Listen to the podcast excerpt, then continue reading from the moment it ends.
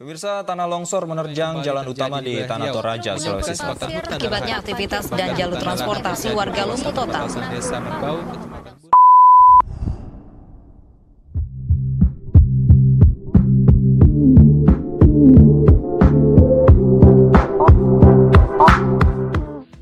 Halo semuanya, welcome back to my podcast and uh, Geopod Geographical Podcast. Podcast kali ini sesuai tajuknya, kalau bahasa dulu itu tajuk gitu, kalau zaman sekarang template atau tema.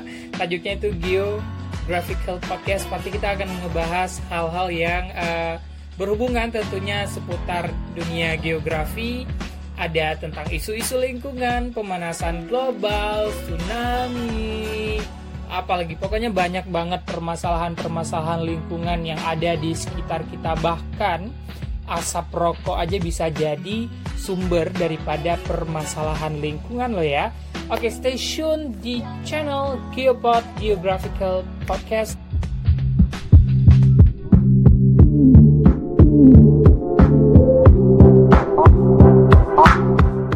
Oke guys, kalau kita ngebahas tentang masalah kebakaran hutan dan lahan, tentunya pasti ada sebab dong di balik itu semua.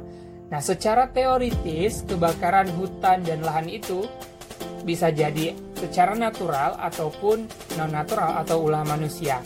Yang natural nih terjadi biasanya pada gelombang cuaca ekstrim atau disebut dengan El Nino di mana musim kemarau itu terjadi.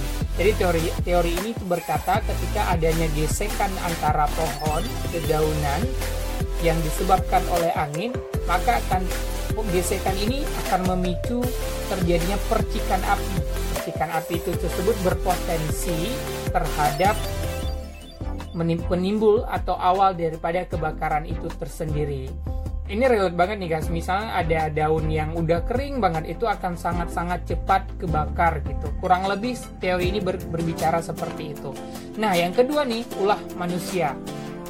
Kalau ulah manusia berarti motifnya ini bermacam-macam gitu ya. Ada yang disengaja kah? Ada yang tidak disengaja? Yang disengaja contohnya misalnya ingin memperluas kekuasaan ingin memperluas kekayaan. Eh maksudnya ingin memperluas lahan. Biasanya banyak tuh masyarakat ataupun uh, petani-petani kita yang ngelakuin uh, pembakaran di desa-desa itu biasanya banyak yang ngelakuin uh, peluasan hutan dengan cara dibakar itu merupakan salah satu sistem tradisional yang sebenarnya harus ditinggalkan guys. Jangan sampai dilestarikan karena itu tidak bagus banget untuk uh, ekosistem kita terutama di era sekarang. Hutan itu menjadi salah satu tempat yang harus kita perluas ya karena dia menyediakan berbagai macam manfaat yang bisa membuat kita lebih baik. Oke, selanjutnya tuh bisa jadi ulah dari manusia tapi tidak disengaja. Contohnya, misalkan ada teman-teman anak gunung gitu yang suka banget naik gunung, itu api unggun menjadi salah satu item seremonial yang tidak akan terlupakan. Setuju nggak kalian? Like di bawah pokoknya jangan lupa. Jadi misal lagi bakar api unggun, setelah bakar api unggun kita tidur dan api percikan api unggun itu dibawa oleh hembusan angin, ya dibawa oleh hembusan angin sehingga uh, dia jatuh ke wilayah-wilayah gersang atau wilayah yang bisa berpotensi terjadinya kebakaran berpotensi terjadi kebakaran tersebut. Tapi anak-anak gunung kita udah cerdas-cerdas, mereka sebelum tidur biasanya udah matiin dulu nih, matiin dulu api unggunnya, pastiin dulu api unggunnya sudah mati, setelah itu baru mereka bobo.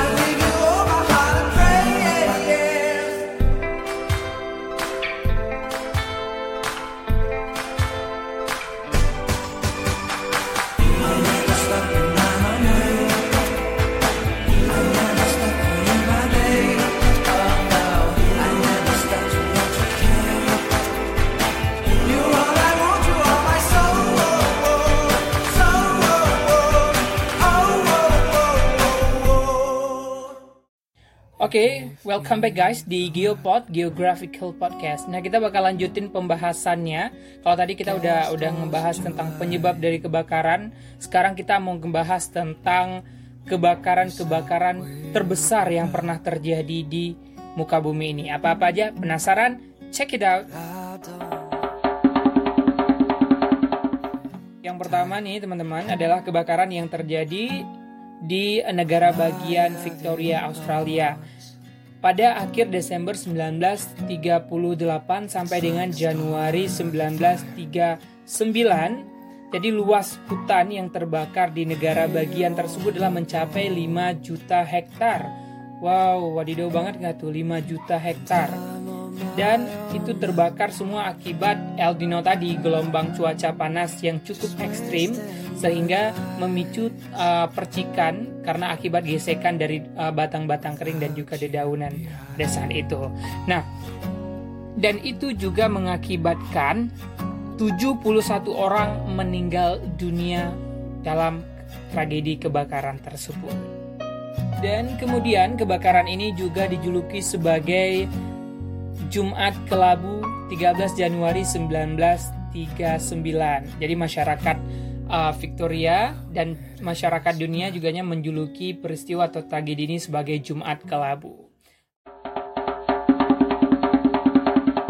Ya, nomor dua adalah kebakaran hutan Manitoba di Kanada. Kebakaran yang terjadi di hutan provinsi Manitoba, Kanada ini terjadi pada Selasa 25 Juli 1989 nih.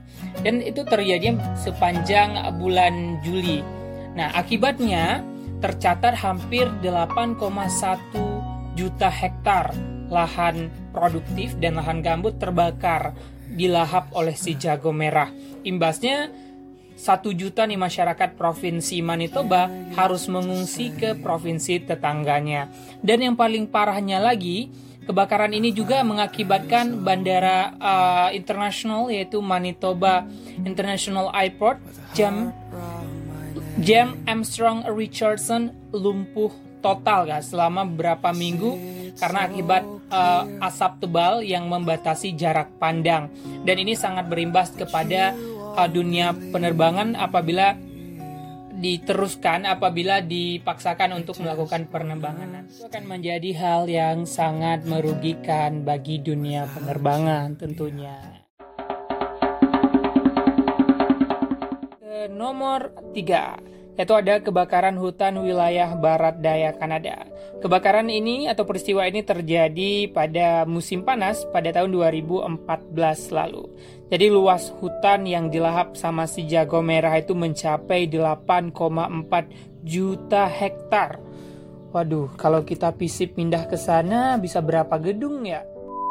Kebakaran ini sendiri itu terjadi akibat uh, sambaran petir, kekeringan, hingga aktivitas manusia. Jadi kebakaran ini terjadi sejak bulan Juni hingga uh, September 2014. Dan yang parahnya kebakaran ini tuh juga mengarah ke wilayah pemukiman masyarakat di provinsi Pyren, Saskatchewan, dan Manitoba. Kebakaran ini menyebabkan uh, pemerintah Kanada mengeluarkan peringatan darurat penurunan kualitas udara di seluruh wilayah barat daya Kanada. Jadi akibatnya asap dari kebakaran ini juga uh, mencapai wilayah utara Amerika Serikat atau US. Kerugian material yang ditimbulkan itu mencapai kurang lebih 44,37 juta US dollar Amerika Serikat atau sekitar dengan 6,3 triliun rupiah. Oke, yang keempat adalah kebakaran hutan pinus Siberia, Rusia. Nah, teman-teman pasti nggak asing lagi sama negara Rusia. Jadi kebakaran uh, terbesar ini terjadi di hutan pinus Siberia, Rusia, yaitu pada tahun 2003 silam. Jadi area hutan yang terbakar itu mencapai 47 juta hektar. Kebakaran ini juga terjadi sejak Maret hingga 8 April 2003 lalu guys. Asap pekat yang uh, ditimbulkan dari kebakaran ini tuh menyebabkan satelit NASA. Yup, bener banget. Satelit NASA tidak mampu melacak sumber api atau titik api penyebab kebakaran tersebut. Jadi imbasnya hal ini menyebabkan pekatnya asap kebakaran. Selain itu juga uh, cangkupan wilayah yang uh, terdampar asap kebakaran hutan itu mencapai 22 juta kilometer persegi.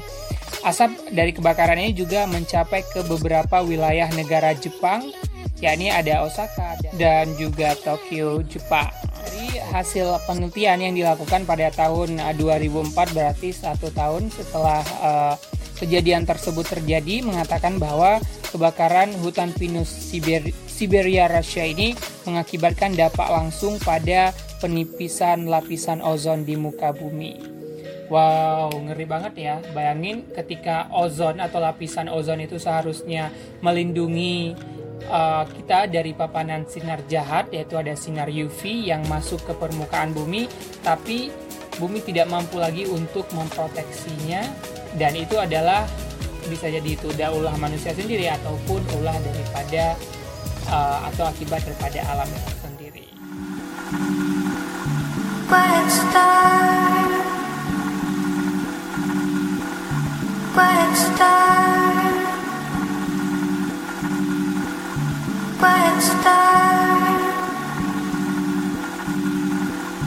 quiet star.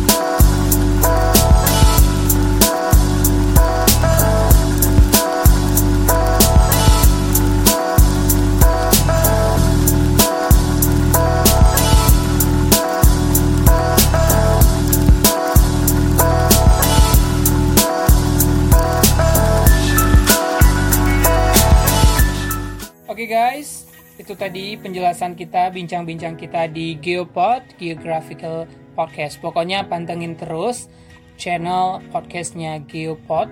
Kita akan selalu ngebahas tentang isu-isu lingkungan, isu-isu seputar geografi. Pokoknya pesannya nih buat generasi milenial seperti kita, jangan terlalu sibuk dengan embel-embel Gen Z-nya, tapi kita juga harus peduli dengan lingkungan seperti pepatah yang selalu digaung-gaungkan save earth earth save us. Karena hutan atau lingkungan itu men banyak menyimpan manfaatnya untuk kita. Bukan hanya untuk kita pada saat ini juga tetapi untuk anak-anak kita ke depannya. Sayonara sampai jumpa di Geopod Geographical the next time. Bye bye